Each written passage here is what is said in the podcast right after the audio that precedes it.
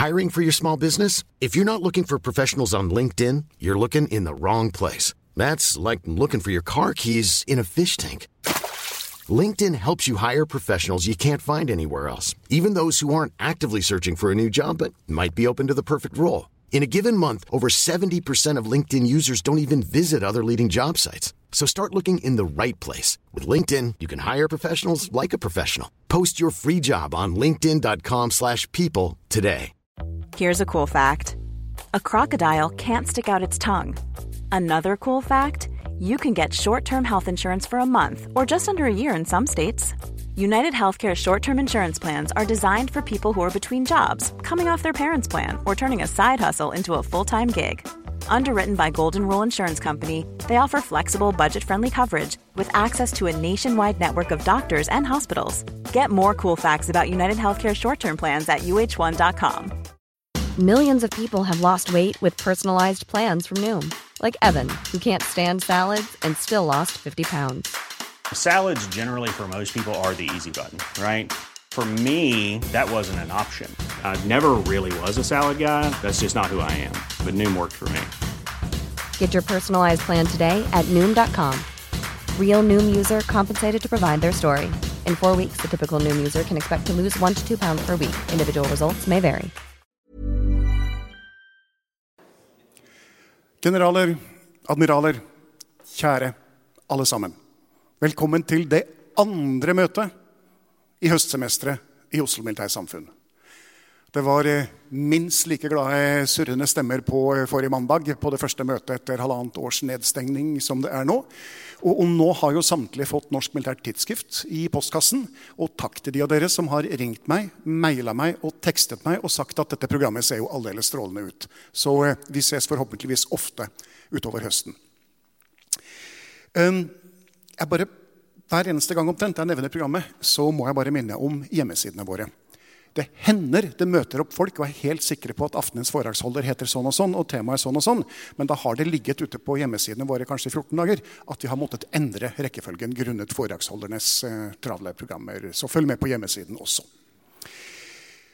I dag så skal vi ha et tema som har gjort at når jeg har fortalt folk at eh, vi skal ha foredrag om Forsvarets romvirksomhet, så har tilbakemeldingen stort sett vært Har vi det, da? Så uh, et femtitalls mennesker kommer uh, om en times tid til å vite mye mer om noe som nesten ingen av oss vet noe særlig om, enn de gjorde for en times tid siden. Og det er sjefen for Forsvarets romvirksomhet, oberst Stig Nilsson, som kommer hit i kveld og som eh, skal dra oss gjennom hva dette nye nå er for noe. Stig, velkommen hit. Talerstolen er din. Takk for introduksjonen, eh, Bjørn Aksel. Og eh, generaler, admiraler, ærede publikum og alle sammen. Eh, takk for at jeg fikk anledning til å, å, komme hit i dag og snakke om eh, mitt favorittema. Eh, jeg håper jo at dette blir både litt sånn eh, si, undervisende, kompetansehevende og interessant. Eh, jeg syns det i hvert fall er ganske interessant. Jeg har prøvd å snekre sammen eh, en del eh, informasjon som ikke er for detaljert, men som gir et inntrykk av hva vi gjør i Forsvaret i dag innenfor space. Det dere ser her, er en uh, åpen internettside som uh, viser litt av hva som er i bane. Dette et uh, så nærme man kommer et live bilde av ulike satellitter. Så det er mer bare for inspirasjon. Det jeg skal si noe om, da, er jo Den er veldig høy, men jeg setter den litt. Ja. Er jo hva vi gjør. Selv begynte jeg med space så smått å interessere meg for space for ca. 15 år siden. Da var jeg assisterende lufttjenesteinspektør på Rygge. Og da var det nå pensjonert generalløytnant Morten Haga Lunde som var lufttjenesteinspektør. Og han sa til meg en dag Stig, dette space-greiene det må vi snart få litt grep om. For det kommer. Eh, så gikk det noen år, eh, men nå er vi jo i hvert fall godt i gang. da. Så eh, litt frimodig og litt skal vi si, inspirert av min bakgrunn som flyver og, og luftforsvarsoffiser med femtegenerasjons kampfly, så har jeg for et par år tilbake skrevet en artikkel som snakker om det femte operasjonsdomenet da, og i et femtegenerasjons forsvar. Og hva et femtegenerasjons forsvar er, det er ikke veldig mange som eh, har en klar definisjon på. Eh, heller ikke jeg. Men jeg syns det klang bra, da, så da tenkte jeg da kan vi jo prøve å si noe om hva det er for noe. For det er jo noen kjennetegn rundt det som kan være verdt å reflektere litt rundt. Eh, til høyre så ser dere to sitat. Det første er statsråd eh, Bakke-Jensen, som sa her i 2018 at en av ambisjonene til Forsvaret er å bli en ansvarlig romnasjon i Arktis. Og Det setter litt fokus mot det området vi er en del av, eh, og det fokuset vi har på nordområdene. Og så har vi jo i Nasjonal romstrategi som jeg kommer tilbake til, valgt å satse på et veldig tett sivilt-militært samarbeid.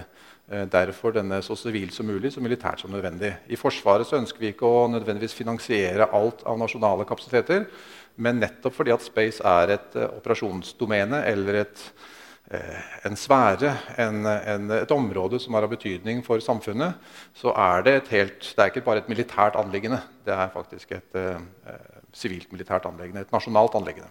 Så jeg tenkte jeg skulle begynne med en liten video, for det er alltid litt hyggelig, som sier noe om hvorfor space er interessant. Men først Som mange kanskje har fått med seg, så jobber jeg i Etterretningstjenesten. Og i Etterretningstjenesten så er man uh, selvfølgelig en del av både åpenhet og også noen områder som man ikke snakker så mye om.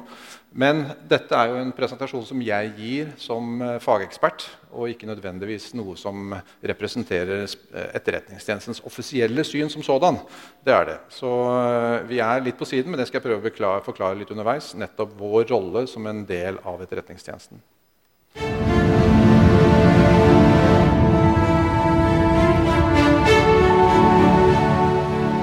Hva ville skje om alle satellittene plutselig sluttet å virke? Dagen startet med at internett ble uvanlig tregt, og telefoner til utlandet ble helt umulig. TV-stasjonene mistet kontakten med alle sine utenlandsreportere, og da alle GPS-signaler med ett var borte, begynte kaoset. Værvarslingen sto uten data, og uvær kom overraskende på. Fiskebåter mistet tilgang til navigasjonssystemene, og alle med satellittelefoner var helt isolert. Der elektronisk kommunikasjon foregikk i skyen, ble hastigheter og tilgang så begrenset at finansielle transaksjoner og forretningslivet gikk over på lavgir. Global verdensøkonomi ble hengende bakpå. I takt med det ble flyten i trafikklys, jernbanesignaler og flytrafikk kraftig hemmet, og fortvilte mennesker hopet seg opp i lange køer på veier, metrostasjoner og flyplasser. De gamle kartbøkene for bilister ble akutt og verdifull mangelvare. Det ble vanskelig å ringe hjem. Mobiltelefonene mistet nettilgangen vi hadde blitt så vant med. Så fikk strømnettene problemer, og det samme med vannforsyningen. De som var satt til å forsvare landet, mistet kontakt med sine utestasjoner, og etter hvert også sine skip og landbaser. Mye avansert materiell ble fort ubrukelig, fly sto fast på bakken, og kommunikasjon med mannskaper og allierte nærmest opphørte. For vanlige mennesker ble hverdagen satt mange tiår tilbake. For landets sikkerhet ble vi tilnærmet maktesløse. For en inntrenger lå veien plutselig åpen. Så hva skal til for å sikre disse tjenestene, også i fremtiden?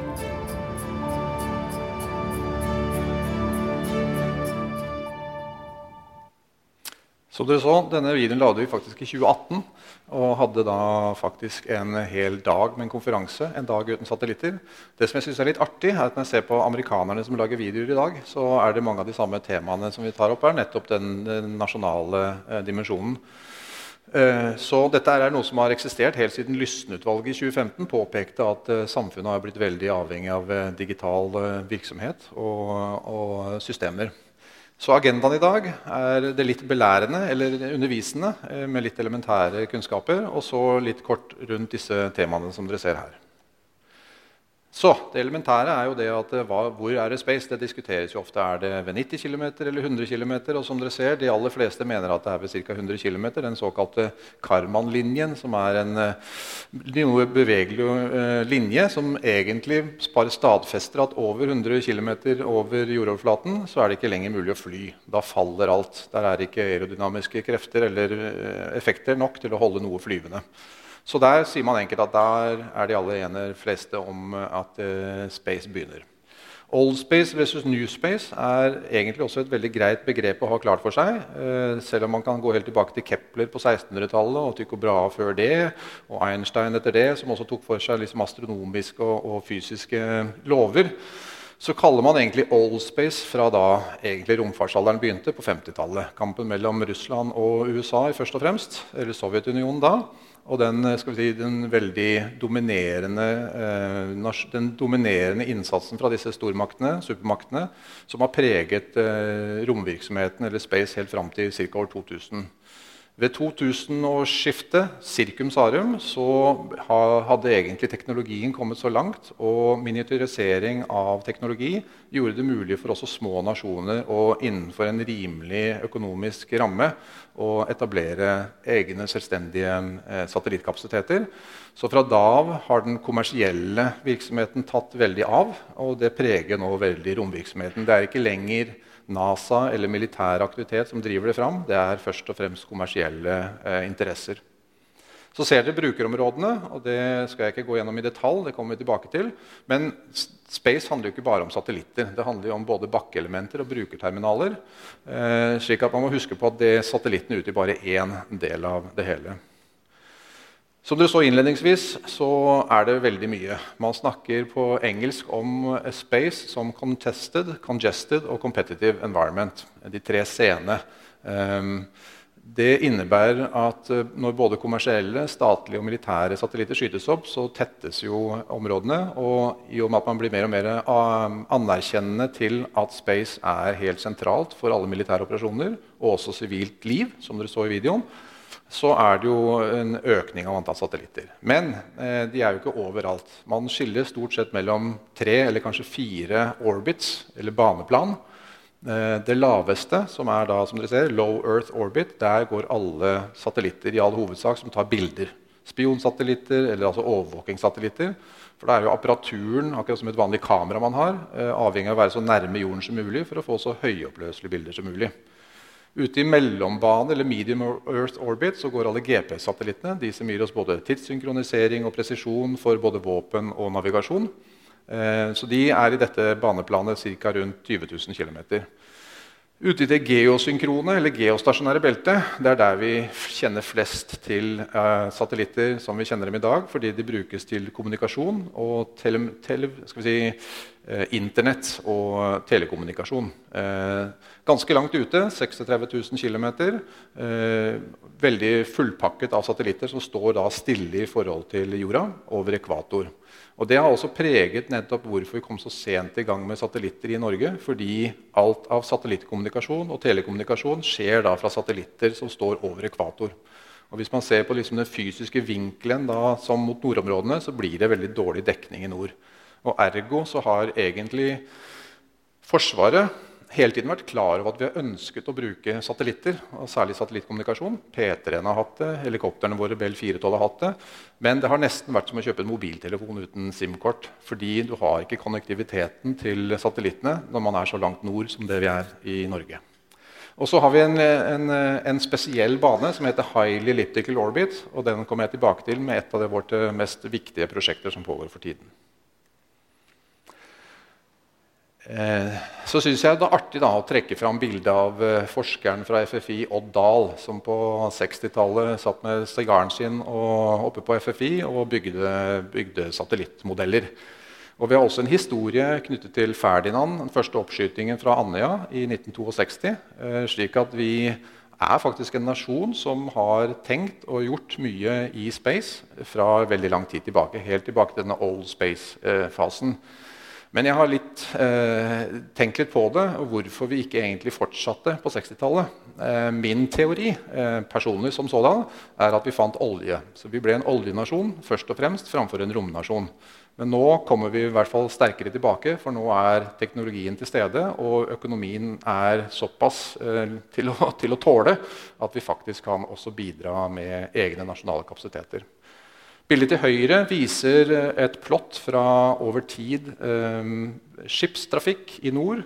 Og eh, hele Poenget med denne er å vise at 80% av all eh, maritim trafikk seiler gjennom norske interesseområder.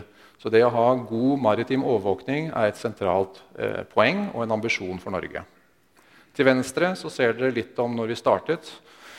Langtidsplanen i 2017 var egentlig da tidligere forsvarssjef Håkon Brun-Hansen satte fokus på space, og hvor da program Space, som jeg fikk anledning til å lede, eh, begynte. Jeg tror vi valgte en riktig strategi ved å begynne top down.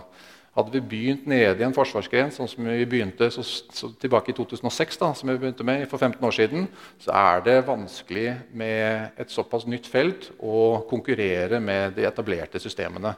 Um, så det å få backing og, og, interesse og støtte fra forsvarsminister, fra forsvarssjef og fra forsvarsledelsen har vært helt sentralt for at vi har kommet dit vi er i dag.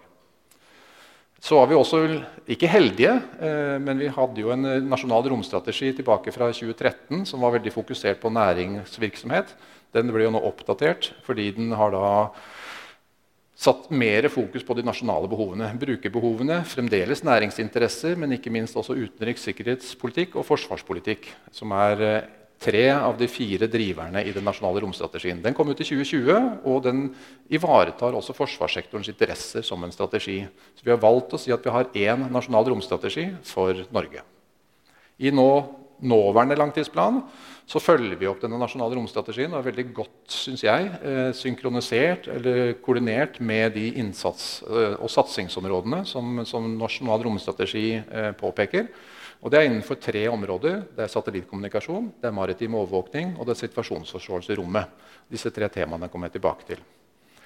Nederste linjen der viser litt om bredden av eh, nasjonal romvirksomhet. Eh, som dere ser til venstre, så har jo Kongsberg Satellite Service verdens største antennepark på Svalbard. Eh, tar ned bilder fra stort sett alt av statlige og kommersielle satellitter. Så kommer Andøya Spaceport. De er da i ferd med å få finansieringen på plass med støtte fra, fra, Stortinget og regjering og departementet sitt, Næringsdepartementet. Og så er det de tre områdene som jeg sa, som er satsingsområder. Eh, maritim overvåkning i Arktis, satellittkommunikasjon og situasjonsforståelse i rommet, som jeg skal forklare litt hvorfor dette er viktig. Men hvorfor da, eh, mener vi at space er viktig? Videoen prøver å påpeke, men jeg repeterer da, det er jo dette her med å faktisk kunne dele informasjon og kunne kommunisere. Eh, satellittkommunikasjon i nord er helt sentralt for å kunne operere i de områdene. Vi har tidligere brukt HF-radioer, eh, men med dagens si, teknologiske forventninger om å dele høyverdige bilder, videostrømminger Vi husker den ulykken fra Hopen, der en, en båt ble strandet og gikk på grunn hvor vanskelig det er å få oppdatert og korrekt informasjon hurtig. Satellittkommunikasjon er sentralt for å få til det. Eh, man kunne jo tenke seg mobiltelefoni eller andre satellittkommunikasjonssystemer som Iridium. Men eh, de har for liten eh, båndbredde, slik at vi mener at det er et av de største og viktigste og de raskeste satsingsområdene vi kan få på plass. Så har vi jo tatt for gitt da, dette med GPS i mange år. Nå har vi fått en oppmerksomhet rundt det all den tid det har vært eh, jamming av GPS-systemene fra Russland um, i, under Cold under, Hva het den, het, øvelsen, da? Ja. Trident Juncture 2018. Um, men det er klart, jo mer vi blir avhengig av presisjonsstyrte våpen, uh, jo viktigere blir det å være sikker på at presisjonssystemene virker. Eh, jeg har selv fløyet over Afghanistan og brukt presisjonsstyrte våpen. Og det å ikke vite om systemene faktisk virker, er en, det er en risiko man ikke bør ta. Og vi har egentlig ikke vært tilstrekkelig oppmerksomme på hvordan vi kan få informasjon om disse GP-systemene er oppe og går på den nøyaktigheten de trenger å være. Så her har ikke vi store ambisjoner, for dette her er systemer som vi egentlig hviler og lener oss på amerikanerne først og fremst. Men det er kanskje den mest viktige kapasiteten eh, i militære operasjoner. Så er det dette med overvåking. Det har vi vært inne på. Det å faktisk få oppdatert informasjon eh, og situasjonsforståelse i rommet. All den tid alle domenene, enten det er land, sjø, luft, cyber eller space, så er man, når man er avhengig av det som er i space, så bør man også vite om hva som skjer i space. Og det er litt sånn som i lufttrafikken. I den, uh, luftfartens spede begynnelse så var det ikke så viktig om man visste hvem som fløy her og der. Men etter hvert som kommersielle fly og flytrafikken øker, så blir det man avhengig av som en ansvarlig romnasjon å ha oversikt over egne satellitter og vite om trusler fra andre. Eh, noe så enkelt som kollisjonsfarer osv.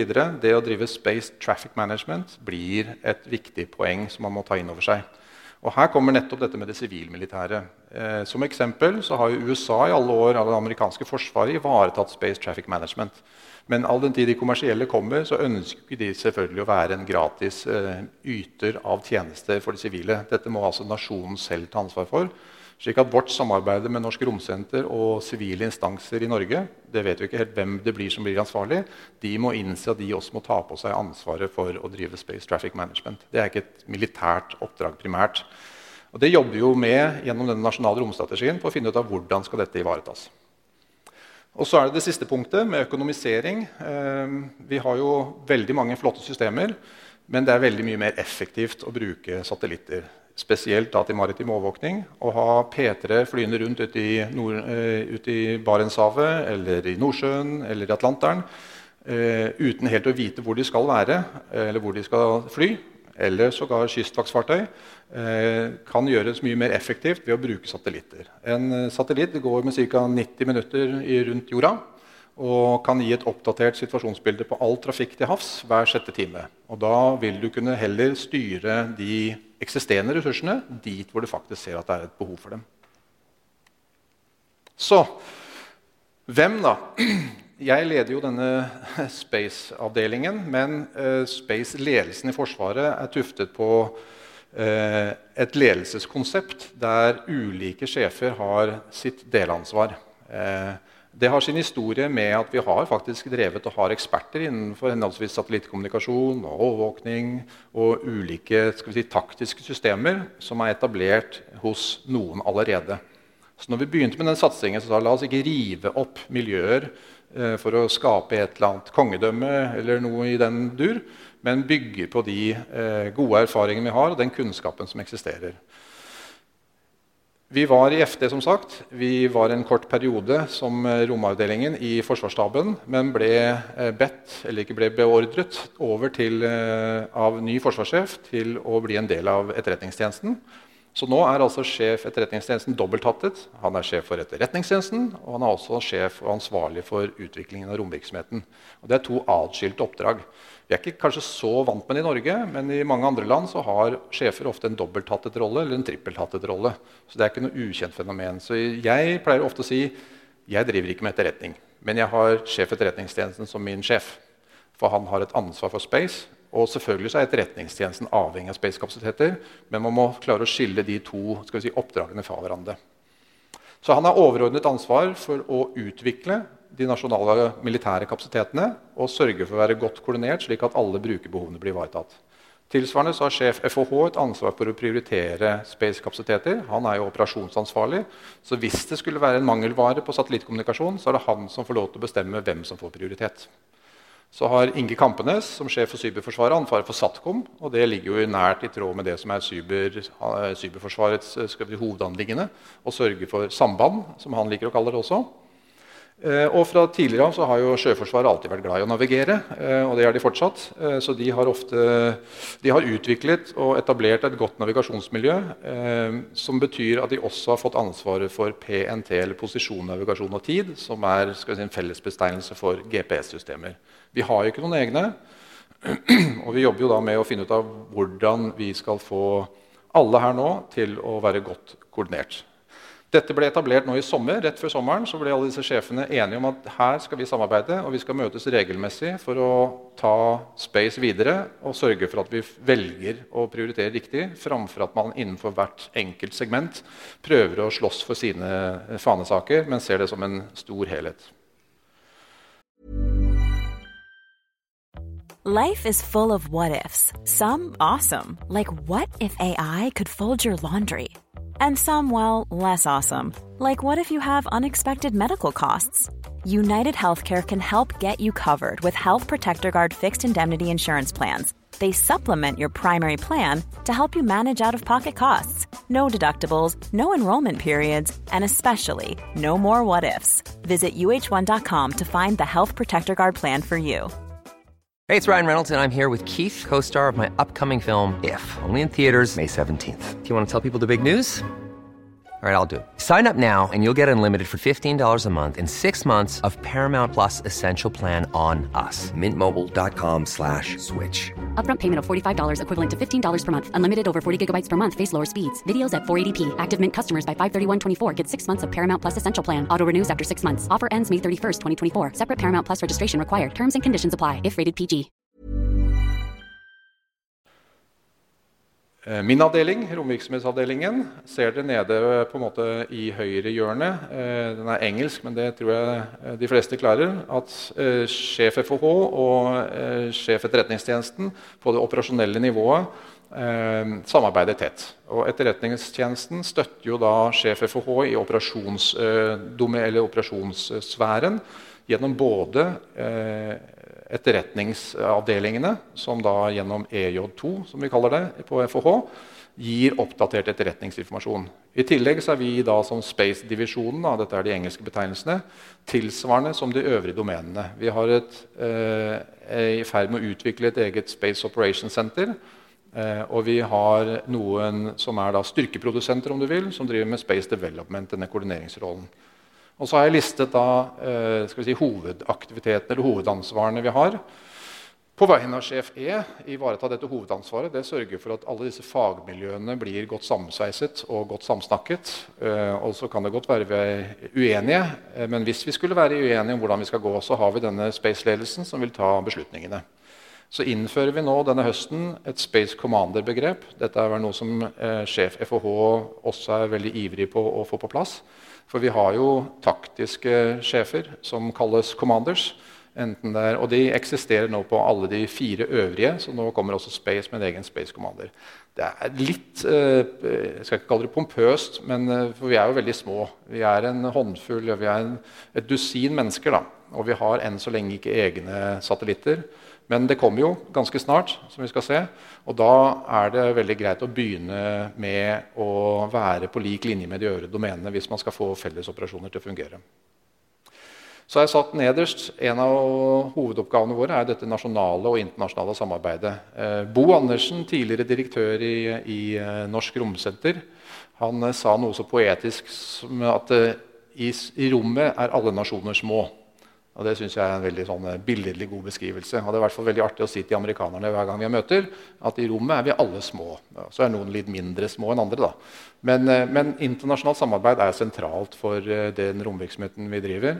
Nettopp også pga. at satellitter er jo ikke geografisk skal vi si, begrenset. De går jo rundt jorda, stort sett.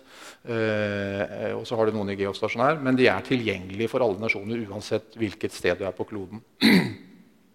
Men i dette etterretningssamarbeidet så har jo Etterretningstjenesten etablerte kanaler for etterretningssamarbeid. Så min oppgave som sjef for romvirksomhetsavdelingen er ikke å kludre til det, eh, men være godt samsnakket når vi snakker på indre linjer om hva som skjer henholdsvis innenfor CIA eller NRO eller andre NGA. Det er mange organisasjoner som man eh, har samarbeid med, eh, som, som vi kan være godt samsnakket på. Så det er vel kanskje en av de virkelig gode fordelene med å være under sjef E. At når etterretningstjenesten har drevet med space i mange år, eh, så er det veldig mye lettere å samarbeide når man er på innsiden og sammen, enn å være på utsiden.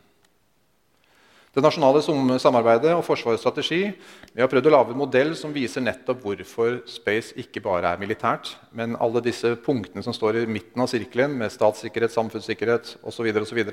Dette er felles interesseområder som vi har både sivilt og militært. Og ergo, når vi har denne felles kjernen av interesser, så må man finne en måte der både departementene samarbeider, og der har vi jo nå etablert eh, Romutvalget, som Næringsdepartementet leder. Nærings- og fiskeridepartementet, Og det utvikles jo nå og er tydeliggjort gjennom Nasjonal romstrategi at det skal bli også et noe mer besluttende forum enn den koordineringsrollen det først og fremst har hatt. Og så kommer jo da statsaktørene, etatene på utesiden, som de utøverne. Enten det er statlige etater, som eksempel Norsk Romsenter eller Kystverket, eller da er disse statseide selskapene som vi har. Eh, Og jeg kunne nevnt mange flere her. for når jeg så Norsk Romsenters oversikt over antall selskaper som driver med space, så er det en ganske imponerende liste med mange aktører. egentlig. Noen større og noen små. Men det viser jo at vi har som nasjon veldig mye kompetanse, veldig mye nisjekompetanse. Og det å få disse til å samarbeide og utvikle nisjeprodukter kan være veldig viktig for norsk romsatsing. Noe så banalt som eh, fysisk lokasjon har også vært viktig for oss. Eh, I 2018, når vi anbefalte hvordan vi skulle vi si, modellere oss i Forsvaret, så sa vi forsvarssjef du kan velge en eh, personellintensiv eller en personellett løsning. Den Fordelen med en personellette er jo det at det koster færre årsverk, og årsverk er alltid en krevende eksersis å få gjennomslag for i sektoren. Eh, men vi kan få til et bedre sivilt-militært samarbeid og utnytte den kompetansen som har eksistert i mange år på sivil side.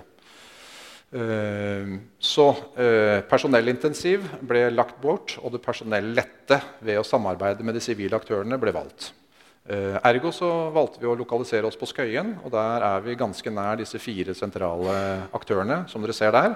Så det er en slags space hub borte på Skøyen, hvor vi nå har fått fasiliteter som dekker både ugradert, og begrenset og hemmelig, slik at vi kan kommunisere med både nasjonale og internasjonale aktører på, på hemmelig nivå.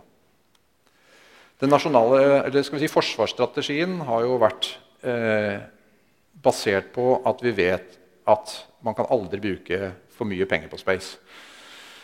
Det er dyrt, eh, fremdeles dyrt, eh, men man må velge en tilnærming. Så det vi har valgt å gjøre, er å kalle det en slags design to cost-filosofi. I motsetning til å drive med militære krav og mildspekke systemer fra bunnen av og opp, så sier vi så mye penger har vi, hva kan vi få for det?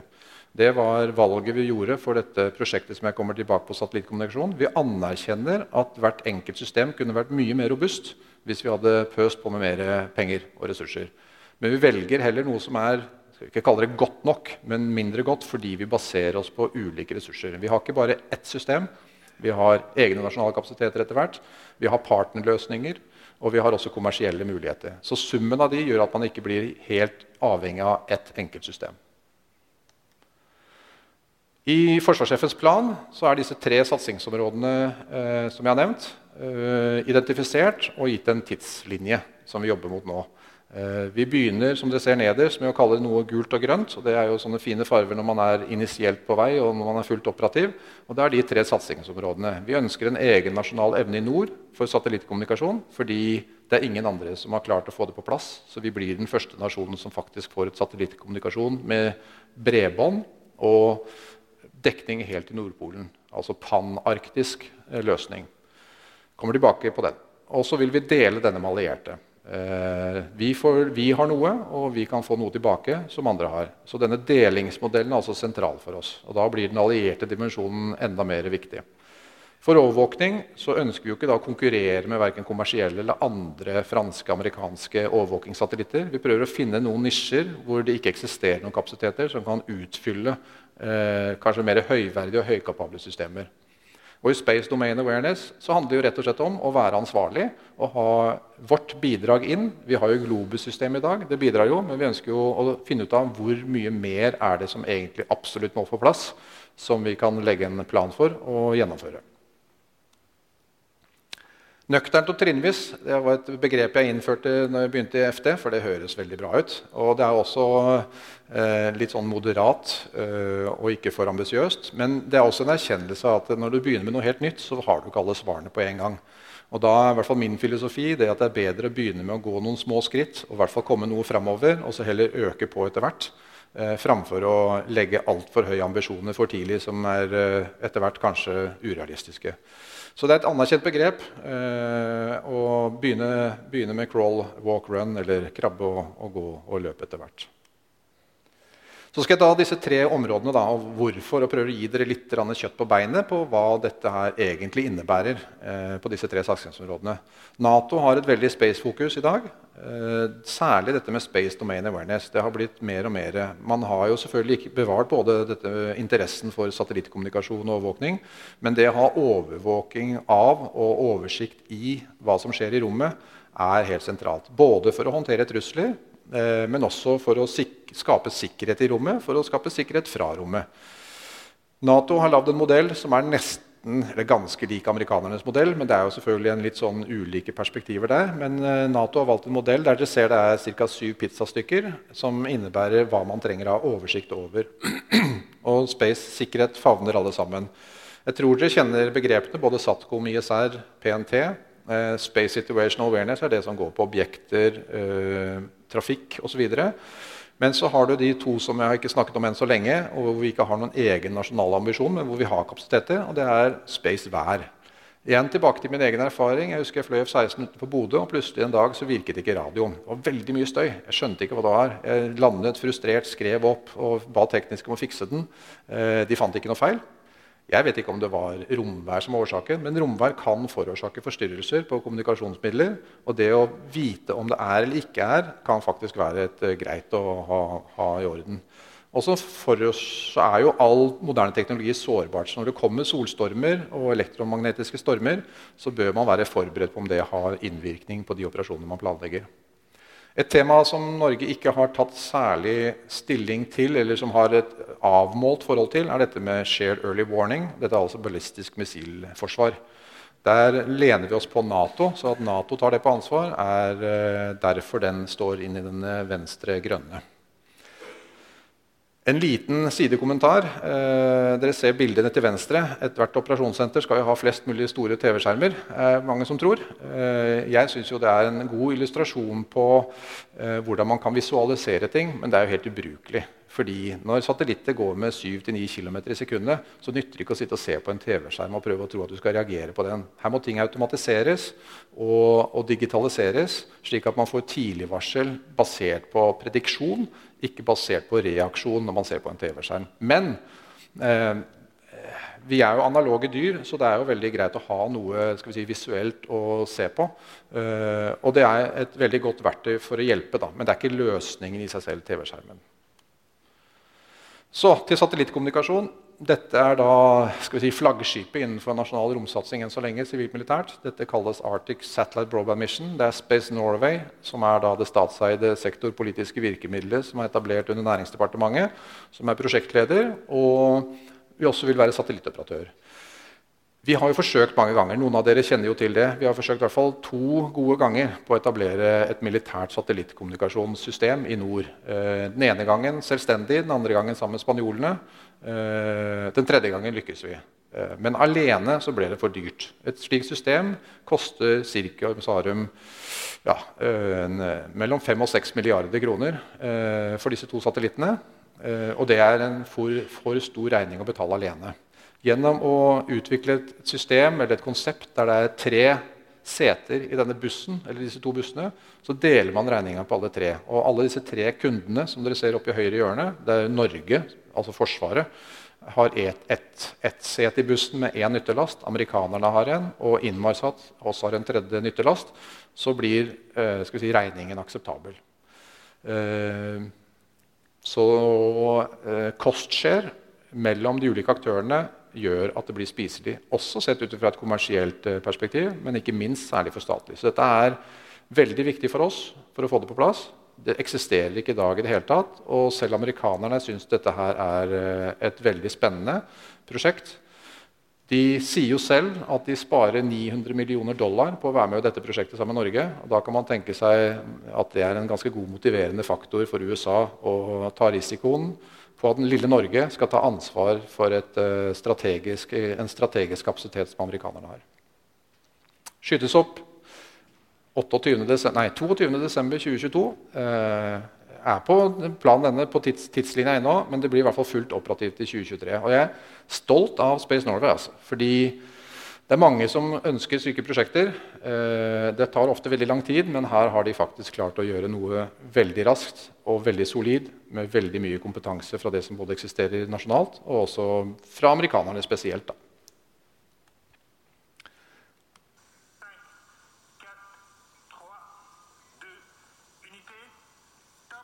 Dette er oppskytningen av den første vi kaller det militære satellitten, da, eller sivilmilitære Dulius Arianne Spass fra Frans Guinea, som skjøt opp 29. mars. 29. april, mener jeg.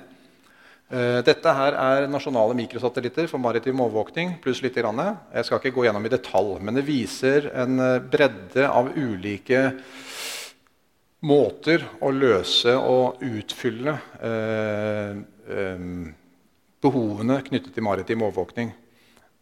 Vi mener at vi er eh, gjennom å, å trekke med oss både den, eh, si, de, de, den yngre generasjonen Oddal, de som nå jobber på FFI, som er veldig dyktige til å utvikle satellitter både nasjonalt, men også i samarbeid med andre nasjoner, som kan bidra til en maritim overvåkning med kapasiteter som ikke eksisterer i dag. Så geolokalisering er viktig. Disse AIS-plottene som dere husker så med sånne røde farver på en av de førre slidene, det er jo forutsatt at skipene faktisk har på denne AIS-systemet. De kan jo velge å gjøre det. Det er en ca. 20 milliarder dollar økonomi i illegalt fiske og omlegging eh, av, eh, av, fisk og ikke minst miljøkriminalitet, som motiverer en del til å skru av AIS-en for å håpe at det ikke blir sett. Gjennom å ha en, eh, ytterligere én sensor om bord, eh, som eksempel i NorSat 3, som er nå oppe, så kan man lytte på navigasjonsradaren, som de fleste båtene har på, og rett og slett lokalisere den basert på en triangulering. Så da har man en, et, et ekstra system som kan fange opp der noen sannsynligvis prøver på noe. Så prøver vi oss noe på taktisk satellittkommunikasjon. Eh, et samarbeid med Nederland, som er den samme prinsippet som i NorSat 3. Og så er det et par andre som går på andre typer kapasiteter. Hele poenget her er å finne ut om noen av disse konseptene faktisk er så gode at vi ønsker en konstellasjon, dvs. Si en tre til ti satellitter av denne typen, for å øke evnen til maritim overvåkning. Ja, da er jeg på nesten siste sliden, ja, egentlig siste sliden før en liten video. og Da var det dette med femtegenerasjons forsvar. Hva er nå det? da? Jeg prøvde å tenke ut litt hva som kunne være i hvert fall noenlunde på skiva. Og her er det jo ikke sånn at ting er svart-hvitt, men det er faktisk sånn at noen ting preger utviklingen. Vi snakker om eh, femtegenerasjons warfare, man snakker om femtegenerasjons kampfly. Eh, men Jeg har ikke hørt noen snakke om femtegenerasjons forsvar. Men det jeg i hvert fall mener da, er at et femtegenerasjons forsvar preges mer og mer av teknologien, om det og nettverking. Selv om vi har ønsket det i mange år, så har vi ikke alltid hatt anledning til det, eller teknologien på plass. Kunstig intelligens og autonome systemer vil prege mer og mer i større og større grad. Selv er jeg glad for at jeg ble flyver på 80-tallet. For uh, mange spekulerer i om jeg av min, min type noen, noen gang vil bli overflødig. Det kan jo godt være. Eh, det med å få enda bedre integrerte fellesoperasjoner i det nå som er buzzwordet multi-domain operations, eh, blir viktig. Men kanskje mest sentralt da, som jeg prøvde å si med økonomiseringspoenget mitt, det at man faktisk utnytter styrken til hvert av domenene framfor å slåss om hvem som skal få oppmerksomhet, men ser seg selv i en større kontekst, blir mer og mer pregende for, eh, for et femtegenerasjons forsvar. Da har jeg én liten video til slutt, før vi avrunder. Og det er uh, disse amerikanerne. da. De er jo gode på, på, visualisering og video. og Det er mange nå som man kan finne hvis man er interessert på US Space Force sin side. Uh, men de er gode da, på å gi et budskap. Så denne lille, jeg skal si et lite klipp, et halvminuttsklipp av en, egentlig en lengre video uh, prøver å oppsummere noe av der vi startet men også si noe om hvor betydningsfullt space er for et forsvar og samfunn.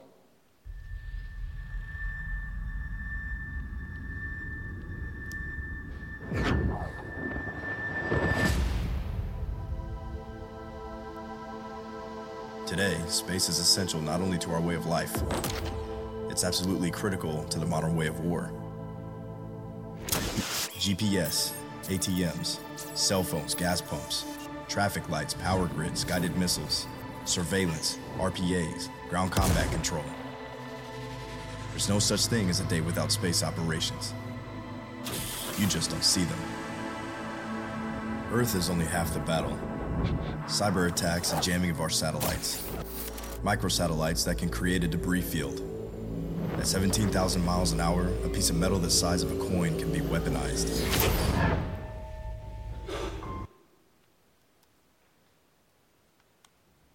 Så mine oppsummerende tre punkter på hvorfor Space har kommet for å bli.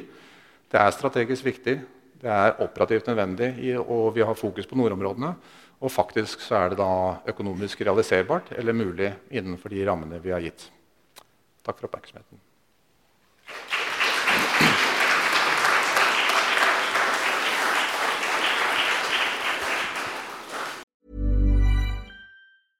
Hey, it's Paige DeSorbo from Giggly Squad. High quality fashion without the price tag. Say hello to Quince. I'm snagging high-end essentials like cozy cashmere sweaters, sleek leather jackets, fine jewelry, and so much more. With Quince being 50 to 80% less than similar brands. And they partner with factories that prioritize safe, ethical, and responsible manufacturing. I love that. Luxury quality within reach. Go to quince.com slash style to get free shipping and 365 day returns on your next order. Quince.com slash style.